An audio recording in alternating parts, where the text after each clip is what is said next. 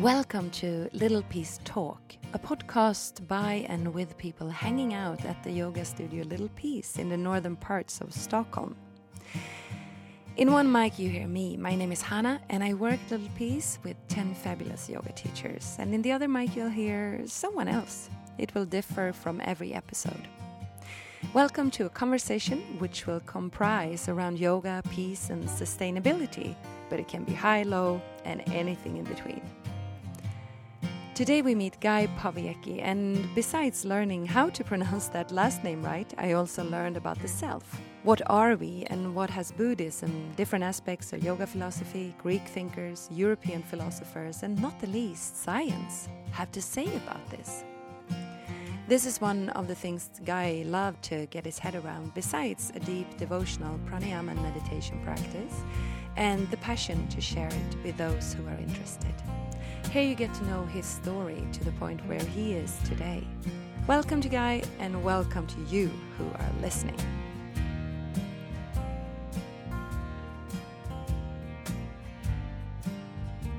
Welcome, everybody. I'm sitting here with Guy, and I never know how to say your last name. It's Powiecki.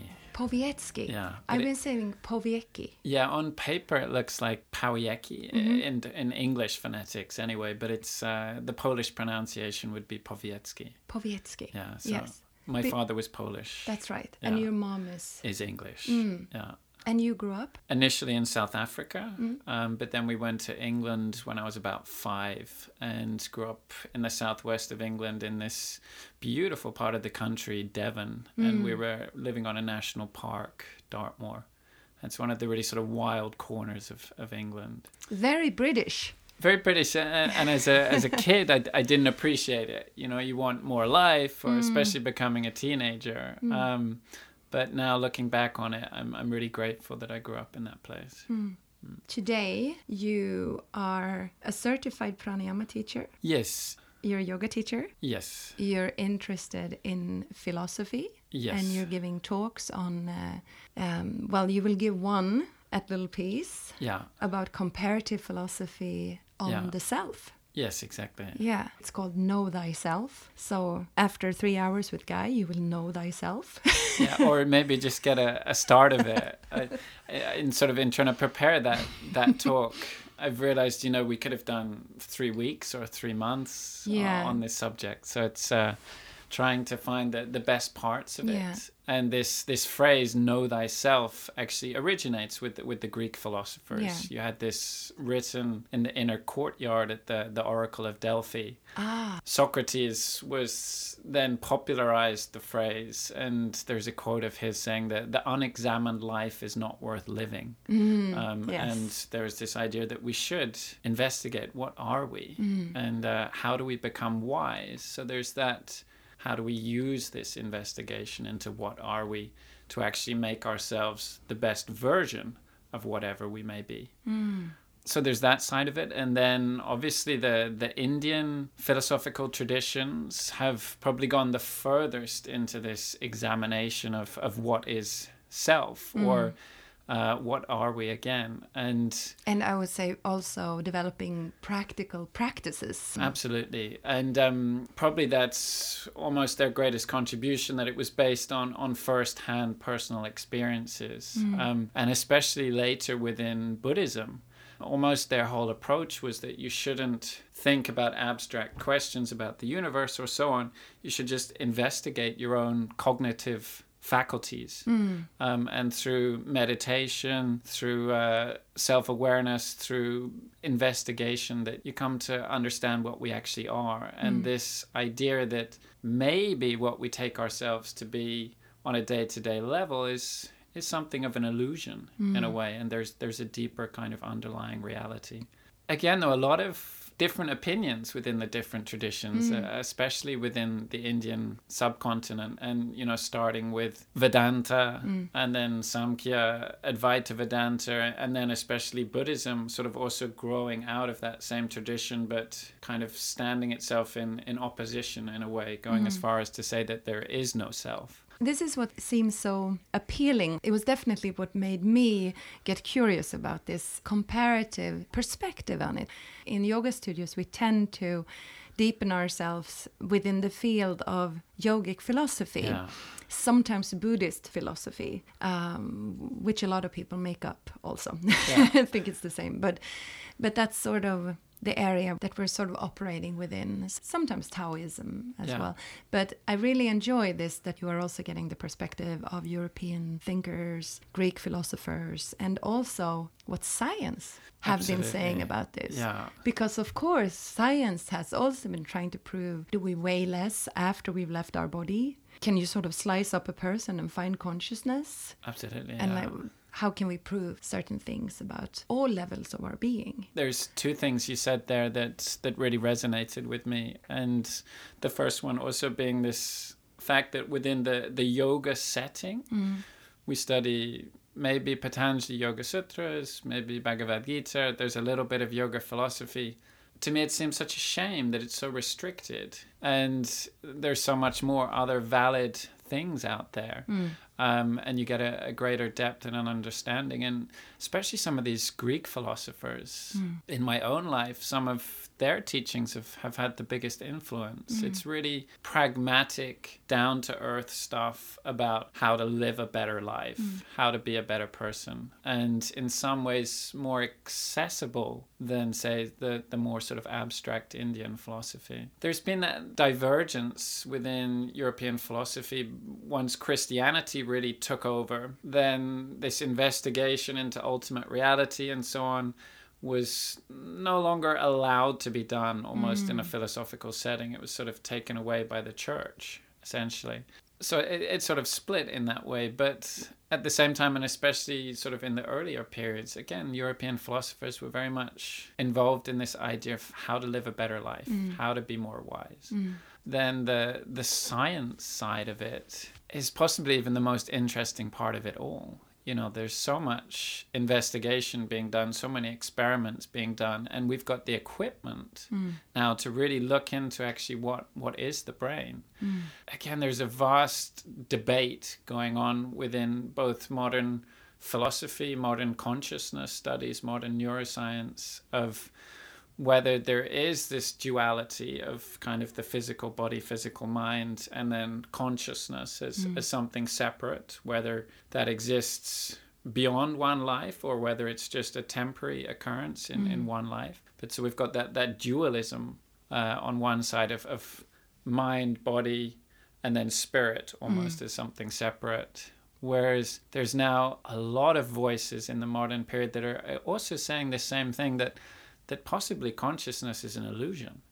Um, and primarily looking at different people that have had very obscure disorders, and maybe they've had parts of their brains removed.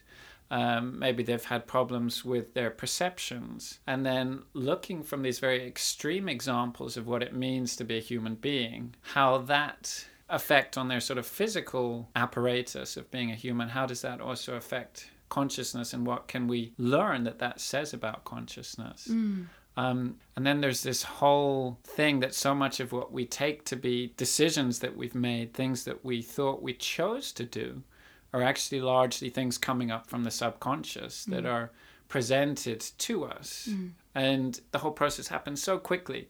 We say, Yeah, that was my thought. Yeah. That was my idea. Yeah, I chose to do that. And actually, it seems like in a lot of respects we're um we're automatic processes and we're this collection of, of habits and preferences and the whole thing just bubbles up from the subconscious. We're not even choosing to do the things we think we've chosen to do. We're acting more um, from subliminal direction Yeah, I guess there are all sort of things that are proving that. For instance, the whole consumerist, like department stores, have been checking out how our brain is functioning and placing certain items at certain places in the store. Exactly, yeah. So we think we definitely need Q-tips, but we didn't need Q-tips when we entered the store. Yeah. But if we place things in a certain order, people are going to pick up the things and believe they made the choices to Yeah, buy things. yeah. And also, I mean, I have a background with within graphic design and identity, and um, when it comes to color and form, I think designers make a lot of effort to um, convince their clients certain aesthetic choices that they've made, facts and statistics, and it turns out in the end that the aesthetic choices on on the behalf of the buyer, they're very very emotional. Yeah. They're going to be super emotional. If the uh, is the CEO's wife doesn't like orange, they're not going to go for orange. Yeah. so it's we can think that we need um, facts and statistics, but in the end, we're much more pre-programmed. Yeah, almost stimulus driven in a Yeah. way. Yeah. Yeah. And I, I think this thing about colors as well is so fascinating. Hmm. Do we all experience things in the same way, or is the way that I see a particular color different to the way that you see a particular Yeah. color? Um, and there's very obvious examples around that, say, in, in terms of color blindness. Hmm. Coming back to this thing that our mind is almost creating. It receives information from, Hmm. from the senses, but then it creates our world and sort of presents presents an image to us. Hmm. And I watched this really interesting documentary a, a while ago. They were investigating whether the way we saw colors was culturally determined or Mm. not. They were looking at different cultures and the words that they had for colors. Yes. And the hypothesis was if they didn't have a word for a color, it was much harder for them to see it mm. and they were looking at a particular tribe in Namibia called the Himba. And these people, they didn't have a word for blue. Mm. And their closest equivalent would have been something like black or, or red and, mm-hmm. or so on. And they had a, a picture of maybe six circles, and there's one blue one and then five green ones. And they said, Can you tell us which one is the blue one? And to us as the viewers, it was completely obvious. Okay, there's a blue one. But they were looking, they were looking, and either they couldn't see it at all, mm. Or it took them a really long time to find it simply because they, they didn't have a label, a sort of conceptual label Yeah. in their mind to put on it. And then this same tribe, they had two different words for two types of green that were really, really similar. Again, there was six circles, five were one sort of green, and then there was one more that was this tiniest difference in shade of green. Hmm. And the people from this tribe could spot it almost immediately. And then they were showing it to Western people.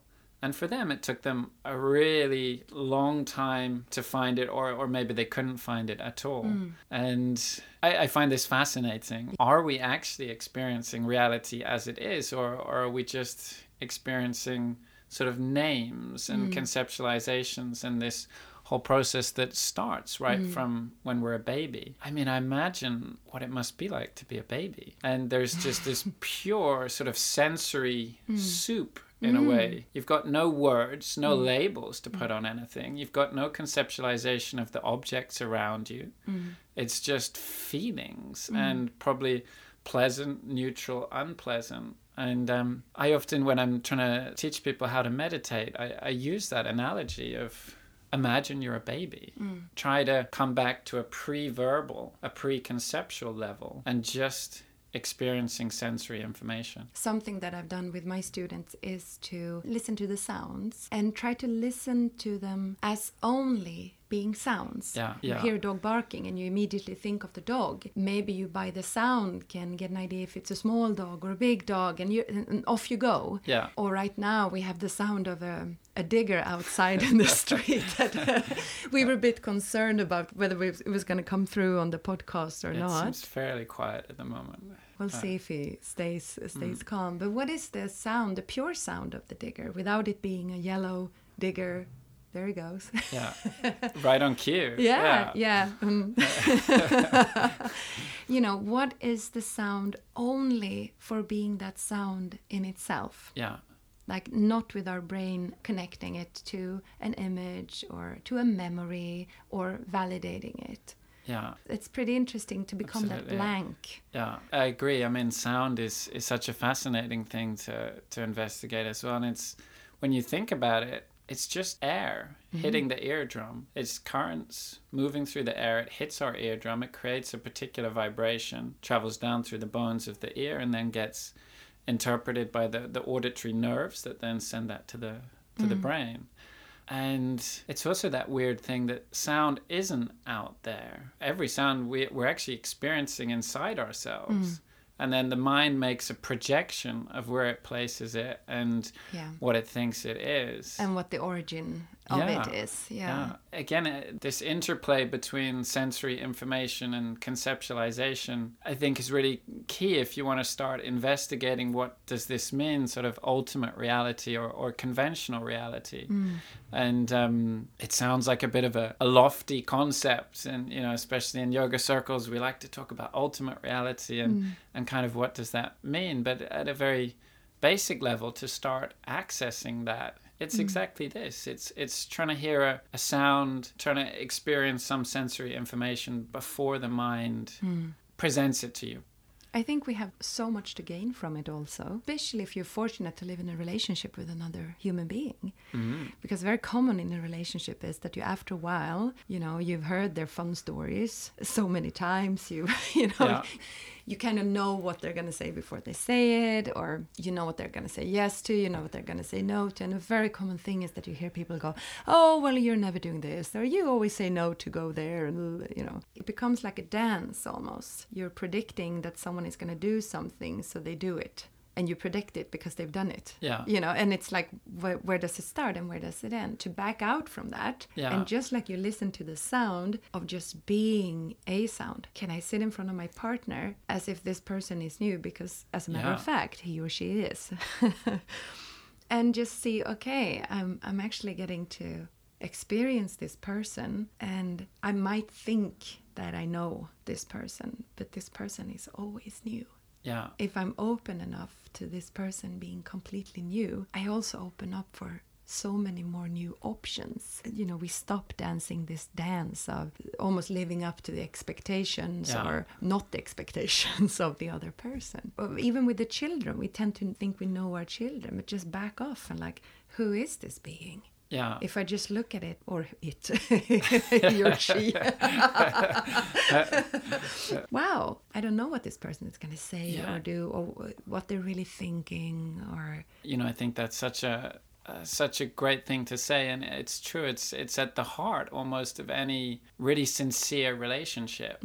This uh, interdependence between two human beings but without having to project without mm. having your idea of who they are but just experiencing them as they are. And it's probably the people closest to us around us where we could most easily fall into a trap of sort of having an idea of, of who they are or a mm. projection of who they are. But almost everyone you meet, you know, if you start to watch your brain, you catch it doing those little statements that it makes around people that you meet like oh i like this person i don't like that person. Mm. This person looks friendly that person doesn't uh, their dress looks like this this that da, da. Mm. and it, it sort of it just happens at this very sort of subliminal level and if we're not careful we can get carried away in our own patterns. And then we are having a conceptualization of the person that we're dealing with and we even have a conceptualization of ourselves and it's just going to stand in the way of a true meeting to occur. Yeah, yeah, it's almost sort of just dropping your own guards, dropping your own having to be something, um, and also just letting the other person be what they are. I had an experience once. I was um, at a festival, like a yoga festival.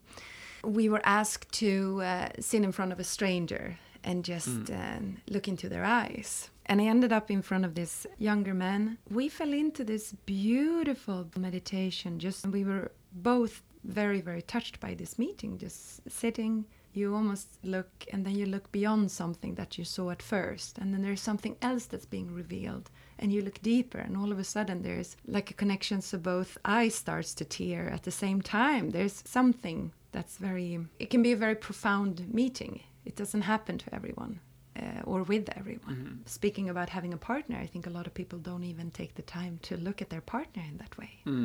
After the session was over i was so grateful for this moment but he followed me afterwards and he was like hey you know we had this wonderful thing. What's your name? What do you do for a living? Da da can i buy you you know can i buy you coffee? Da da da. And and i was just like no like could never have been catching up on that experience. Yeah, any conversation was just so took away from the experience yeah itself. yeah Uh, I, I mean, I, I think I've experienced something similar to that on um, silent Vipassana retreats. Mm. And, you know, sometimes you have no idea of who these people are. You, you've hardly spoken to them before you start. And then you're maybe with them for, for 10 days or, or longer. And you're just walking around, you're staying in silence the whole time. And we kind of think that we need conversation, that we need to be able to talk to people to to develop a relationship mm. and and absolutely we don't mm. you sort of you feel such a closeness to these mm. people as the days go on and you do feel that this bond and this connection mm. forms at the end I, I, also find it a shock when people start talking mm. and um, it, yeah, it changes the the level of it, and in a way, it almost undermines the sort of purity of it. All of a sudden, people have to start wearing their costumes of their character mm. that they believe themselves to yeah. be again and they have to start projecting something yeah. rather than just this this rawness of just being and being mm. in someone's presence. I have a friend who went to vipassana with with his wife mm. and i know that you have been with your wife as well. Yes.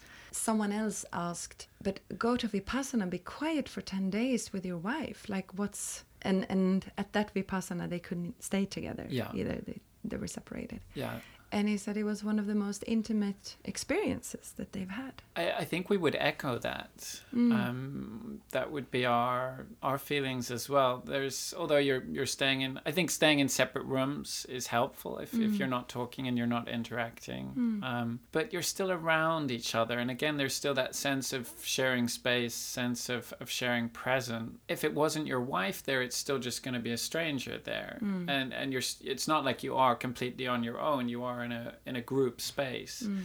And so, in that way, there's actually something supportive about having a person who's dear to you that's that's also in that space as mm. well, um, and sharing that that same journey and that experience. The best part of it, I think, is is coming out of it. Mm. And you've been spending however long for the for the last period, let's say ten days, of trying to be as mindful and as present as you possibly can. There's this aliveness to your senses and then you come back into each other's presence and it's such a, a deep connection mm. again it's quite quite magical if, mm. if you are if you do do that i mean it's really like clearing between yourself and that person yeah and and, and maybe also to a degree clearing your own sense of mm. yourself as well what what you're bringing to mm. it so much of our our day we're we're caught up in in either reacting to events in the past thinking about memories or we're caught up about imagining things in the future. Mm. And we see ourself in those scenarios, but it's not really ourself. Mm. Again, it's a conceptualization of ourself, and it's our own imagined sense of, of who we are. Mm. You know, whether that's 10 years ago, two months ago, five seconds ago, mm. as soon as it's not in the present, it's a conceptualization, it's an imagination. Mm. It's so fascinating to think what actually are we in this tiny, sort of never ending spear tip that's the present moment, just going forward, forward, forward.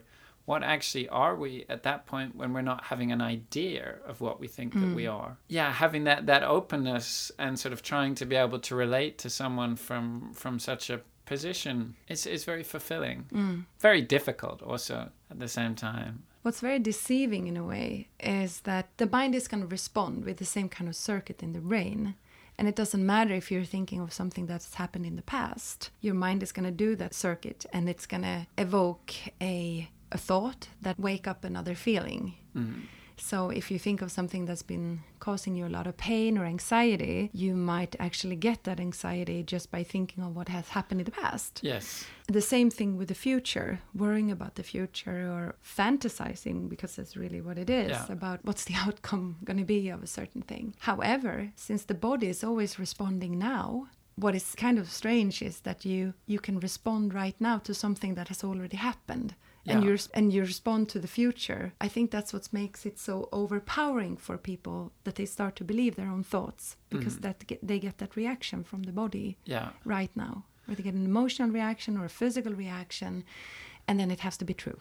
Yeah, it's crucial that, as you say this, mm. and you know, particularly if, if you are practicing meditation or if you are on a retreat and you have some very vivid thought come up, something with a lot of emotional resonance, and rather than sort of going into that thought, but you immediately try and feel where did it come from in the body? Mm. What's the sensation like inside the body? Every psychological event that we experience in our mind has a corresponding physical event within the body, Mm. as you were just saying. And again, there's a debate which one comes first. Uh, does the thought in the mind then condition a physical response, or actually is it things physically experienced that then create a, a mental response? I call it the um, the tumble dryer of our senses. Okay. I think it just goes round and round. Yeah, and you know, coming back to say that's a traditional yoga philosophy and um, Patanjali Yoga Sutras, Chitta Vritti Nirodha, the mind's fluctuations. But one translation of this word vritti is whirlpool. Mm. And I'm just thinking of your, your tumble dryer mm. analogy, and it's the same, you know, it is a bit of a whirlpool, and these thought patterns that sort of pull us down deeper and deeper. Mm. Yeah, there's something about the body that's that doesn't lie. It's it's real. The thoughts and whatever projections and imaginations we go off on is in a way imaginary, but the, the physical sensations of the body can cannot be disputed in that respect. And, and there's so much of our emotional history that gets stuck within the body. Mm. I think that's a large part of, of what yoga practice, uh, or meditation practice is, is actually about. Is mm. maybe there was some psychological event that was too traumatic for us even to really process on a, on a conscious level, or even if it was just quite a small thing, but still unpleasant and we didn't process it, mm. it gets into the body somewhere. And a lot of these practices are around just letting the body express these things, letting it let go of them. Hmm. Still, it doesn't stop to to baffle me. It's still super interesting, I think, to Yeah. work with this. Yeah. Uh, both on a, for myself, but also to guide other people. It's uh, it's just always interesting. Yeah, I, I, I, I feel it gets interestinger and, and more. I don't know Yeah. if that's really a word, interestinger, Well, but it gets more and Rather more you interesting. saying it than me. Yeah. You're the Brit. um, yeah, it gets more and more interesting. Hmm. Um, and you, you sort of think you're starting to understand something, and then a whole deeper level opens up. yeah. Um, yeah, it's it's fascinating. or you think you're starting to understand something and then you find yourself in a new position in life and you go oh okay have i been practicing anything yeah. yeah. Yeah, I think uh, family can be a good one with that. And Yeah. there's this old saying, you know, you, you think you're making progress in your practices, go and stay with your parents for a weekend Yeah. and, and see how you react Yeah. Coming back to this idea that we are conditioned in our responses, Mm. in our character patterns. I think a lot of that starts when Mm. we're young, and parents can, can really push those buttons. it's Uh, like a karma dharma dance yeah. we started talking about england and the Yes. fields in england where you Yeah. grew up and then we made a jump into the lecture that you were going to yeah. I'm a little curious. What happened between you growing up in England and then to you studying all these different kinds of philosophy? Like, what happened in between? It- We're talking about what is it like a, a 25 year lifespan here or something? Yeah, I, I'm 38. Yeah. Um, and I would say I started studying these things more specifically at, at university. I- In a way that it happened almost by accident. I, I was at university and I was doing a, a degree in philosophy and economics. Mm-hmm. And I became more and more less interested in the economic side of it. So, sort of halfway through the first year, I, I dropped out of university mm. and I wanted to start something that I thought I would find more interesting. I ended up choosing theology and sociology. And in the first year, we studied a bit of all the, the major world religions. It actually happened to be that the, the part that I found most interesting was the Indian religions. I specialized in, in that in the second year. And then in the third year, specialized further into Buddhism. Um, but it was um, was more of a an academic understanding at that time. I was not practicing So you came from uh, more the brainy side of it. a little bit, a little bit. I, I um, I don't know whether this is okay to say on air, but at that time I, I was experimenting a bit with hallucinogenic drugs, and uh, for me, I wasn't sure whether you wanted to talk about that. So uh, for me at that time that was my um, my practical side of it, and that was my sort of investigation in, into consciousness and um, how far the mind could go. And in those days of experimentation, I actually had some really sort of profound, brilliant, amazing experiences. And uh, Uh, I look back on it as a very sort of valid stage within mm. my journey. Uh, mm. I think just maybe what doesn't work in the long term, if and you know, there's there's lots of traditions where substances have been used to achieve altered states, and mm. I think just what's difficult about that is you can have an experience using a substance, but that experience ends, and maybe you you have some insight in that but it doesn't necessarily change you as a person through the rest of your day-to-day living and your behavior. It can spark off something, but it's not sustainable. it's not sustainable. Yeah that that was uh where I came to it, and I and I think uh, practice and actually trying to change yourself for the better as a human being through just consistent effort is is obviously so much more fulfilling in, in that respect. So yeah, there there was that side of it, and uh, it took me from doing that degree and, and being in that world. It took me maybe um, maybe seven or eight years before I started getting into practice from a more traditional, structured sense. I, I there was there was a few things that sort of went wrong in, in my life in between that point, and I, and I always have to be careful I don't become too, sort of too self indulgent when I talk about it. But there was a, a number of, of deaths within my family, and then um, I I ended up becoming sort of quite self destructive for a period of time and again still being involved with with drugs but in, in a more destructive way. It, it had lost any of the um the sort of beauty and joy of those earlier mm. years of experimentation. Mm. And i did a lot of damage to myself physically. When I, I finally made peace with the things that had happened sort of let go of some of the the anger and and the sorrow that i was i was feeling through those years i had to start looking at how to rebuild a life again. I almost came back to yoga by by chance. And it started with with very simple hatha yoga. I think when i when i'd been studying these subjects at university I'd, I'd been obsessed with the idea of the, the mystical experience. Mm. I'd always sort of had this assumption almost that you had to be born with a, a mystical gift mm, Like There- it wasn't accessible for everybody. Exactly. Mm. Yeah. I don't think I realized that actually the mystical experience is accessible. It is accessible mm. to everyone. You've just actually got to be willing to put in some some hard work, and you've got to be willing to have some patience and and pick some sort of practice that works with you and stick with it. takes time and it takes repeated practice, but actually anyone can start sort of unwrapping the the layers that they've sort of put over themselves hmm. and start having a, a deeper more true experience of of what it means to hmm. to be themselves and and to be in relationship with the world around them. So yeah for, for me that that journey sort of from a practical level started again with hatha yoga. I was also practicing ashtanga a bit at that time and then and then fairly quickly going into pranayama. And know within the old traditional yoga texts they they really hold up pranayama as hmm. this is the thing that's going to have the most effect Yeah.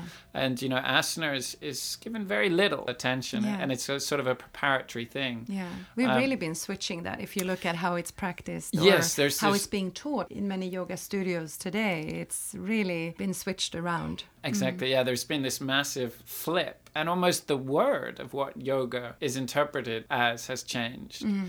I mean, today, for most people, the word yoga is synonymous with physical postures, mm. Whereas previously that, that word would have been asana, and yoga was, was the system as a whole, or, Yeah. or even the state of yoga. Yeah, I think what's important is to sort of emphasize that yoga is something that we that we can become or or that occurs. Uh, we can't really do yoga. We can do yoga asanas. Yeah. But when we say that we do yoga, we're actually pointing toward exercises created to put us into the state of yoga. Yes. Yeah. So that distinction has to be made Yeah. because now we talk about yoga in the same way as well well i'm doing body pump or crossfit or i do yoga you know Yeah. but really when that little distinction is being made it's eh, i think we're closer to the truth Yeah. I'd agree fully. Hmm. And it's probably going to be the only time that i claim to have the truth but but to, what was supposed to be yeah, yeah.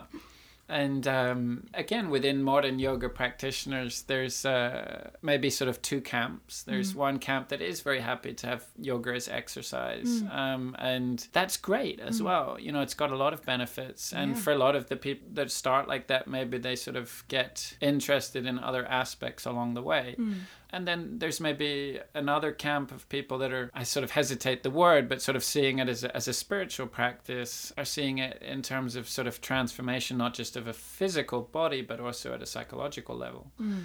I think if you are sort of inclined that way, then pranayama can be a really helpful tool. They, mm. they talk about that as what has the greatest transformation. Mm. Um, and they, they talk a lot sort of energetically, but there's so much we know now through science about the relationship between the breath the nervous system, the organs of the body, and then in the turn, our personality. Mm. You know, the, the way our nervous system functions affects the way we behave as mm. people.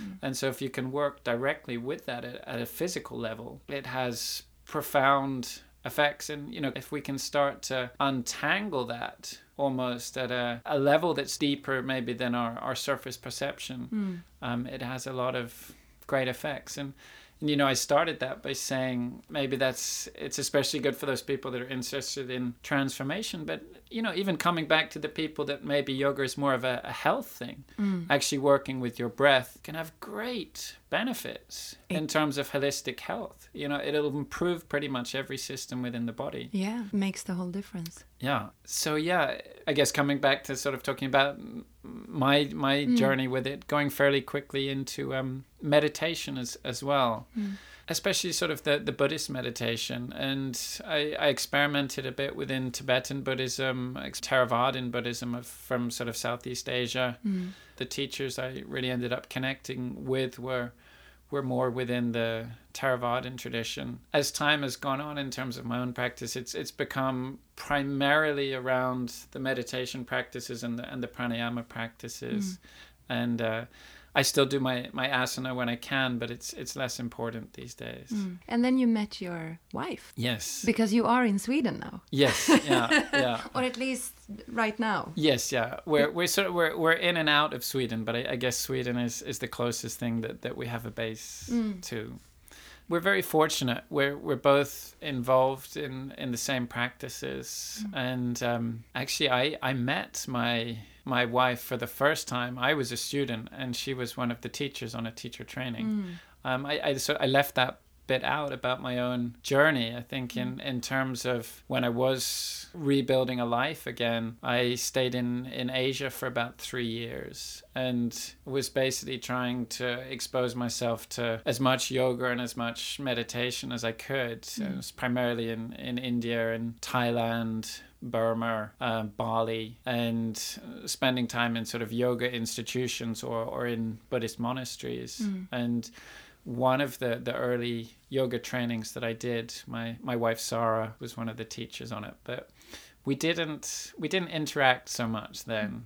And it was actually some years later we were both studying with the same pranayama teacher in mm. India and then we were on level footing. We were both okay, yeah. students. Yeah. And uh, easier. Easier. Or different. Yeah, I think different startup point. yeah, I think maybe her her guard came down a mm. little and then through through meeting there in, in India with that teacher, our relationship developed from mm. there. And Sarah is also from the beginning one of my teachers. Okay. Yeah. Yeah. yeah I think I mean so. certainly here in, in Stockholm, she's she's uh, she was one of the maybe the earlier people, and she's she's uh, yeah I would she's say helped so. a lot of people. Yes. Yeah. Yes, and and uh, I think she's one of the most established pranayama mm. teachers that we have here. Yeah. But now you are both. Do you call it certified, or you have the blessing from Tiwari, your teacher, yes, yeah. to pass on this yeah. these teachings of pranayama? Yeah, both in a way. Mm. Um, we've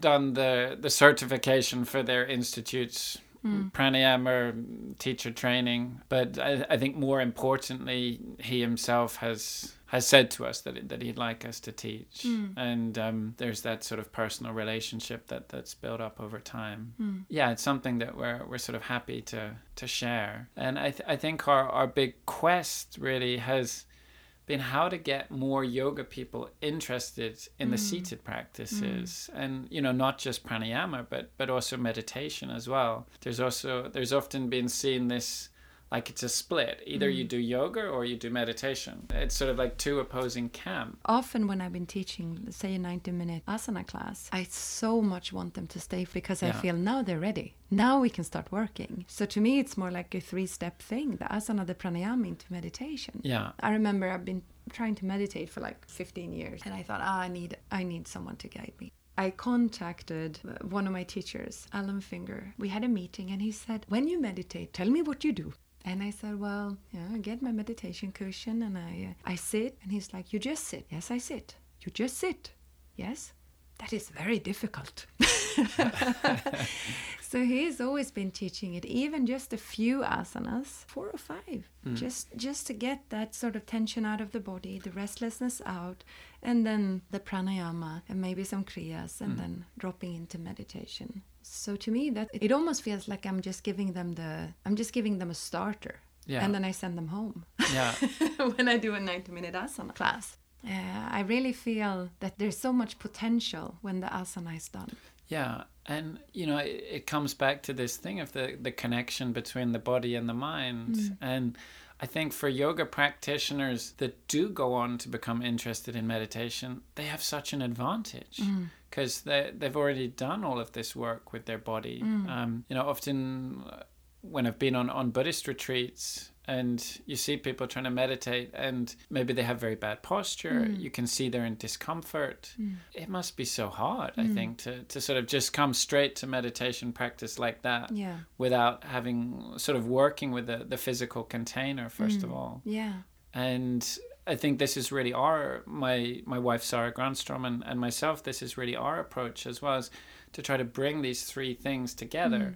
And try to get them to, to not be seen as separate practices, mm. but actually you're doing the same work in each one. Yeah. It's just the, the, the form has changed. yeah. And trying to be present with that, mm-hmm. whether that's through physical postures or through working with the breath or mm-hmm. through just observing the breath. It's the same mental activity through each one. We're basically just vibration. And this is materia. Now, when I'm saying this, I'm, mm. I'm holding my arm.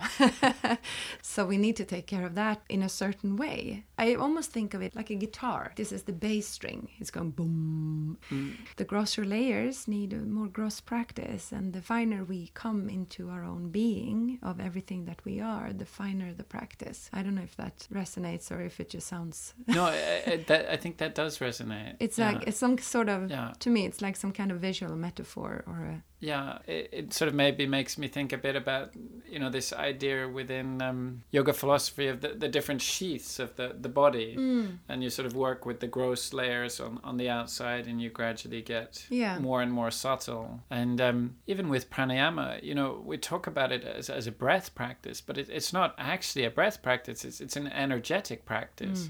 We're not trying to direct the breath. We're trying to direct prana, the the sort of internal energetic current. But for most of us, our level of awareness is not refined enough. It's it's not subtle enough. If you work with the breath, you're actually also directing the prana in the same way. Hmm. Yeah, we have to start where we are, and we have to start with what's available, hmm. and that's the physical body. Yeah. And it's such a great tool in that respect. It's a great portal Yeah, yeah. to enter through. Absolutely. And there's a quote by the, the Buddha. I'm probably going to get it slightly wrong. And he says, you know, if you understand this fathom long body, you understand the universe. Hmm. And there's this idea that this is our tool to, to investigate. And it's almost through understanding the world of experience within the body, hmm. You then understand everything else. Mm. There's nothing in us that doesn't exist outside of us. Mm-hmm. We're like, I mean, we're built of the same building bricks. Yeah. I guess the only thing that makes it a little hard for us is is our senses in a way. They're a blessing, but they're also very very limiting for us to understand everything that's above and beyond. Yeah. I mean, just look at our visual spectra of what, what our eyes can take in. There's a certain light frequency Yeah. that we can take in, but already when you move up to like infrared or ultraviolet. It's hard for our eyes to understand that. Yeah. And then we have different kinds of wavelengths, a lot of them that we can't take in. Yeah. But that some animals, for instance, can take in and so on. Yeah. I think it was Einstein who said something like, "Oh, I, I don't know if I can quote this, but um, it was something that if we if we are going to develop, we need to be open to the idea that things exist that we can't prove or can't see. Yeah. So we need to sort of imagine them in order to reach beyond, because we're we're already so limited Yeah. with those little holes, little ears, little eyes. Little... Yeah, we're experiencing what our senses allow us to mm. experience. It's not like it's the full picture by any means. Mm. It's a complete conceptualization of what's actually out there. And Yeah. it's unique to each individual, but even more so unique to each species. Mm. I mean, the way some animals use their senses or what are prominent within them, although they're living in the same physical space, we're inhabiting the same space and time, it must be like being on a different planet. Hmm. For whether you maybe you, you sense through sonar, say in terms of being a bat, hmm. or um, you're a shark in the water and you pick up electrical hmm. current. Our world, in a way, is created by our senses. Equally, in a way, our world is created by our mind. We relate to things through the lens of the mind mm. and the way that the mind perceives things, usually the way that the mind has reacted to things mm. previously. If our world is created by our minds, then the quality of our world is also directed by the quality of our minds. Mm. And then it comes back to this idea of we should really practice. Yeah. You know, like Yeah. you've got this wonderful opportunity Yeah. To actually change the entire way you relate to everything around you. It's like Uh, you walk around in this beautiful instrument, but it's not fine tuned enough. Exactly, yeah. And you know, at school we, we learn maths, we learn languages, we learn Mm. sciences and it's starting to come into school a bit. We should work on the, the instrument through which we perceive everything else. I know this is a very simplified question, but if you could say something about how the practice has changed your, I want to say your life, but your perception of life. Um, I, I, I definitely. Uh, this might sound cheesy, but I, I can feel I'm a better person. Um, I, I can feel that I've maybe let go of some of my negative habitual responses, some of the more unpleasant parts of my personality. Have, have certainly become quieter. I hope that I, I'm acting more from sort of positive aspects, and, mm. and hopefully my wife would agree. Mm. I've, I've sort of heard that question how do you measure progress?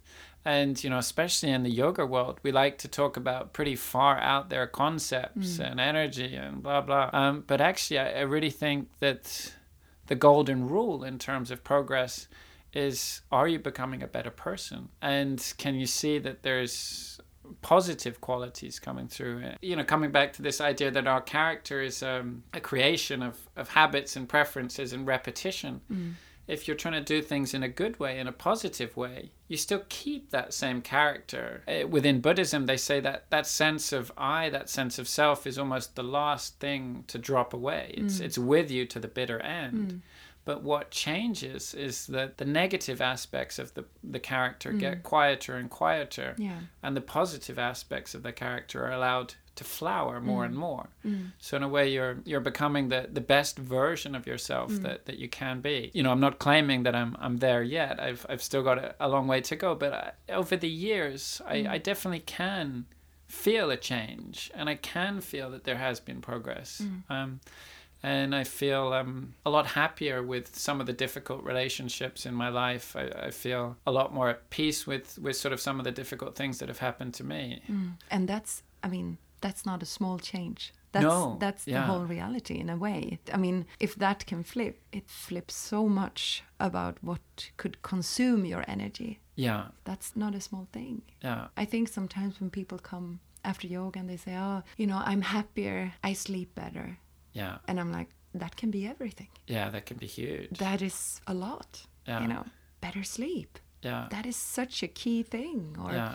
or finding peace with relationships that's been bothering you or that's been consuming a lot of energy. Imagine all the energy you get from not having to worry or, or be irritated or whatever it is. Yeah, it's energy that can then feed into positive yeah. things. The feedback loops within that as mm. well. You know, if you sleep better, you're going to be less stressed, you're going to be more relaxed, you're going to relate to people around you better. They're then going to relate to you better. Yeah. And there's this whole sort of positive. Mm cascade. And I think it's so important to look at ourselves in, in terms of interdependence mm. and in terms of relationship with the world around us. And um, with the people around us. Mm. There's this idea that we're working on ourselves within spiritual practice, but actually we're doing that for the benefit of others. Mm. What you're saying now is, is really one of my keystones in at least how I try to pass on yoga. Yeah. Because one thing that can be initially when we've been practicing uh, for a while, and we're starting to see patterns in ourselves, we start to realize that I can actually say yes and I can say no, and I don't have to say yes to things that I've always said yes to, and so on. It can be easy to be a little bit self absorbed mm-hmm. and sort of start to look in your own navel. Yeah. And kind of go well it's it's me me me now. Yeah. And then it's another stage of trying to make everyone else go and do yoga because you have the answers yeah. now and you feel so good from this. Yeah. And i'm thinking sometimes maybe this is a phase we have to go through um maybe not but let's try it not to get stuck there. Yeah. I'm always trying to give Absolutely, a little more push there it's good to start realizing things about yourself, but the practice is from you for the benefit of others, mm-hmm. through you to others. Yeah. So we can serve better. Absolutely. That always has to be sort of the purpose with it. Yeah. Especially within modern yoga, there can be a danger that maybe you're not actually having the right effect. You know, if we're going with this idea of yoga being a spiritual practice, mm I like to define a spiritual practice as it's going to lessen your sense of self. Mm. It's going to lessen your more sort of gross ego identification. Yeah. And then we look at a lot of what modern yoga has become about. Mm. And there's a lot of social media involved, there's a lot of self promotion involved, there's a lot of sort of body beautiful mm. involved. That can be a massive trap. Yeah. Like you think you're supposedly doing this as a as a spiritual practice, but maybe you're actually going backwards. Yeah. Maybe you're you're sort of um, aggrandizing your your ego. Mm. There's a, a, sense of you know look what I can do and mm. don't I look great, or mm. or equally maybe there's a sense of comparison. Either you think you're better than everyone else, mm. or maybe you think you're worse than everyone else, mm. and that's still the ego, but it's it's the ego sort of presenting itself in a, in a different way. Yeah. And I think that's something we've really got to be careful with in, in yoga that, that we're actually going in the right direction. Yeah. You know, we're in this ship and we're sailing out to sea and there's this fog and we don't sort of quite know where we're going but we think we're going in the right direction and we're sailing away and we're sailing away and then the fog clears and we realize you know we never took the anchor up and mm. we're actually still in the harbor yeah yeah um, if you're in this because you want some sort of psychological transformation mm. beyond just what it does for you physically, then you have to really watch what's going on in your mind when you're doing it yeah. and watching sort of what your reasons for doing it are. That was a great uh, metaphor, anyway. Sailing at sea, but your anchor is still. yeah, or I guess, or worse, you're sailing in the opposite direction. Yeah. You know, maybe you're actually even going backwards, and you know, maybe yoga becomes just another thing yeah. for you that you've you're doing. Mm. Um, standing in the front of the ship with the flag going, yeah, yeah, I'm the best. yeah but uh, it's a sort of proof of the time that we're living in is i teach meditation at a, a fairly big company. And it, has been super interesting to come to this place where people are dressed in suits and high heels and they get to take their shoes off and take off the belt if I mean, uh, yeah. so we at least can breathe. And, and we do some meditation techniques. Um, but that wasn't really what I was going to say. One time there's this uh, young woman said, You know, I have a question. And she said, I feel so good from this. And I would love to learn more about this, about meditation, about yoga but I'm so scared that I have to become a yoga person. And I said, okay, so first, what is a yoga person? And she said that I have to give up everything, go to a beach, be dressed in a bikini, and do headstands on surfboards, Yeah. and you know, wear necklaces and uh, Chant Om. yeah. Yeah. And um, it's funny and it's not because it is sort of the conceptual way or the visual life that we're living through social media and through what things are. And I said to her, This is to support you in your life. Yeah. If you really enjoy doing what you do at this company, yoga is here to make you better at what you're Yeah. doing and, and greater at who you are. So you can share your gift. And if your gift is to be a math teacher or an accountant or, a, a, you know, work in a daycare, whatever, that is your purpose and that is where you can be of service. Yeah, it's I, I agree again. It's that thing it, it um just makes you better at whatever you're doing. Hmm. You know, meditation is is a good example in that that respect. If let's say you're you're learning how to concentrate better through meditation, if you can learn how to be present, then you're going to be better at being present at your job. Hmm. You're going to be better at being present in your relationships. Comes back to this thing of you're just learning how to function better as as a being whatever that may be. And uh, there has very much been this commercialization around yoga around the symbols and the images of, of yoga and, and buddhism as well. And it's turned into this massive industry. It's very heavily promoted and we have this sense of a, as this woman was saying a particular lifestyle or a particular way of being and you have to wear these clothes and eat this food and so on. The idea of that we have to buy into something more than something just supporting us as we are. yeah And I think that I think the teachers that I've been drawn to has been teachers that have been um, first of all of various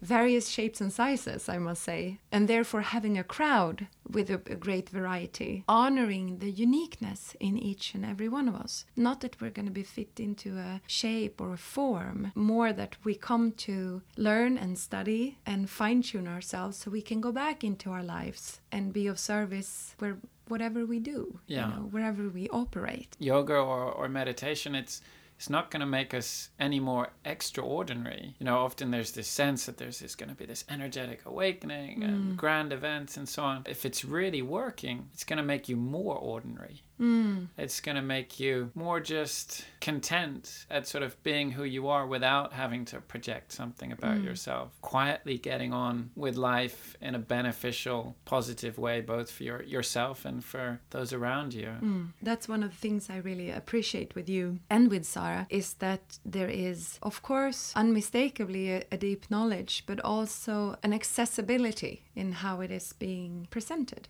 an easiness. And it's probably, now when I hear you speak, it's probably, I'm thinking all of your experiences that have been sort of coming coming out into that. That sort of is being melted together into into the ability to to make this accessible Yeah. and I think to make everyone feel very welcome, regardless. Yeah, and- and it's a big help as well being in relationship with a, a partner who's also involved in the same thing, and you mm. can you can kind of watch each other, mm. and it makes you have to be very real. You know, it's not like you can sort of step up in front of a, a class or a group and give some projection of yourself, and then mm. go back to your normal life, and, and actually you're being something else. You kind of call each other on your on your stuff, and um, I think that's one thing that's sort of been sad recently in in the spiritual world is the amount of scandals that have hmm. that have happened. It's often people that are projecting a role or are trying to manipulate people mm. on some level rather than maybe just being themselves. Mm. Um, and there's often this idea of trying to put themselves up on a pedestal mm. that you have some knowledge or some experience that's greater than, than those around you. And through your sort of controlling of information or, or access, you create a power dynamic. I think that's something sort of Sarah and I are almost allergic to.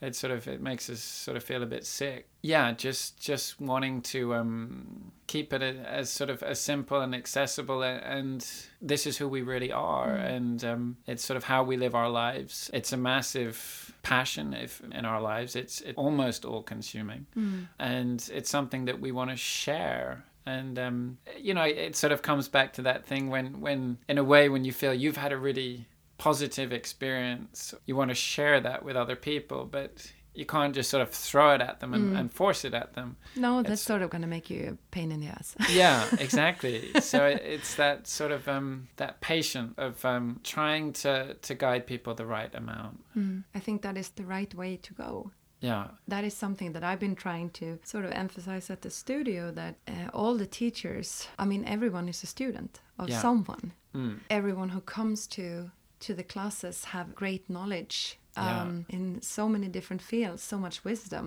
yeah, different experience than I, I've had.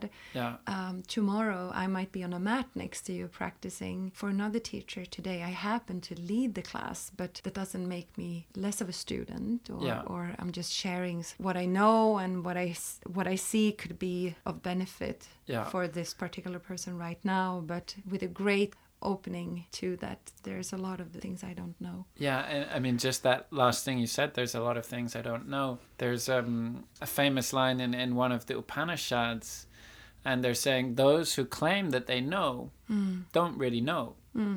Those that claim they don't know, those are the ones that know. You know, it's a bit esoteric and, and it can be interpreted in different Does that ways. mean I know? that means you know. but then if you start thinking you know, yeah. maybe you don't know. Then I'm yeah. yeah, so there's that, that because you're sense of closing the door, basically. yeah, you need that humbleness, that Mm. openness to experience. As soon as you think you've got an idea Mm. of it, then you've lost it again. And that is also a great metaphor to meditation because the Yeah. moment you start thinking, you're out. It's So- this so sort of you nee- slippery thing. Need to Yeah. keep it open. My son, I've never been trying to um, inflict meditation on him, and he's always no, no to yoga and meditation. But now He did say he tried pranayama. he did. Yeah. He came to me. He's ten now, and he came one evening and he said, "Mom, I have so many thoughts." Yeah. We did one minute of Nadi Shodhana, and he said, I can really feel my thoughts getting lower, Mhm. the, the activity in the brain getting lower. And then we sat for one minute in meditation. He said, The moment I think that I shouldn't think, Yeah. I have been thinking, and then I'm out of meditation. It's it's uh, getting the hang of it then. And I guess it's the hang of the moment I think I know, then I actually don't know. Yeah. You know, I guess that's sort of what it is. We have that moment of sort of dropping deeper into reality. And the moment we do that, immediately the, the mind makes a framework around it again. Mm. And then we have to catch ourselves. Oh, we just made a new framework around it. Yeah. And then we have to release that and we drop back in. And, Mm. and it's just this ongoing process of observing our frames that we place around reality and letting go of those frames, observing the next one that comes up and letting go of those frames. Yeah, it's like the mind is constantly creating an identification with Yeah. And that's also something, um, maybe your experience or your interpretation of your experience of your last class was that it was great. So you want to have that experience. again. Exactly. Uh, Regardless if it was asana practice or if it was meditation practice, I want to come into that zone again. Yeah. Drop it and see it more like you're checking the temperature of today. Yeah. And if that temperature is chaos, well, then that's the temperature. Yeah, I think you know That's- that's what's so sneaky about the mind. Yeah. Is it is it tries to sort of grasp onto these experiences and sort of tries to repeat these experiences. You know, you could say you saw you were walking around town and you saw a, a beautiful old looking church and you went in and there was no one there and you sat down on a bench and immediately there was a shaft of light that went across through the stained glass window. You just dropped into the present moment and your mind went quiet and you had this profound experience. And then you start to think, wow, that was so great. I want to repeat that. And you're like, okay, what church was it? Yeah. What time was it? What was I wearing? What was I wearing? Where was I sitting? Yeah. And this is what the mind does. You know, Mm. it, it tries to grasp on the um, the framework of the Mm. experience without realizing that that wasn't important Mm. and you, you can't repeat an experience and and that can be a great hindrance or obstacle i think Mm. within spiritual practices that someone has a, a little taste of truth that they have a bit of an experience and then they keep trying to find that again Mm. so it's it's important that we sort of we don't try to repeat Mm. our experiences but just take each experience as, as something new Yeah, do the practice, but let go of the fruits of the practice. yeah, Yeah. something like that Yeah. so, Guy, it's been absolutely wonderful to have you here. I feel that we could talk forever. I hope that people feel like they got to know you a little better and uh, maybe to get a little glimpse of what you are going to talk about. You know, three hours is, is quite a long time just for a talk. So, you know, don't let that put you off. Mm. Um, we're we're going to do a few little bits that will actually be more practical, mm. but with a point to then discuss things around it. Mm. So we're not just talking about sort of abstract philosophical theory, but we're trying to make it very uh, tangible. Mm. For me, it's it's been fantastic being here. It's been great talking to you mm. and um, sharing this conversation. Uh, you know, I, I, felt we had a, a good exchange of, of ideas and, and opinions, yeah. and I'm really looking forward to the the talk at Little Peace, and, yeah. and I hope some of the listeners will will come and join and. Uh, I hope we'll so too. How couldn't they? I feel like there's so much more we could talk about, but we kind of have to pause a little sure. bit. So I just yeah. say thank you. And I'll say thank you. Oh, Guy is such a sweet, humble, smart, and just interesting person. We had a really good time talking. If you're interested in learning more from Guy, he will be at Little Peace on May 12th. You can book tickets on our website, littlepeace.se. We would love to hear from you, and if you want to connect, please do so on info at littlepeace.se. Until next time, take care of yourself.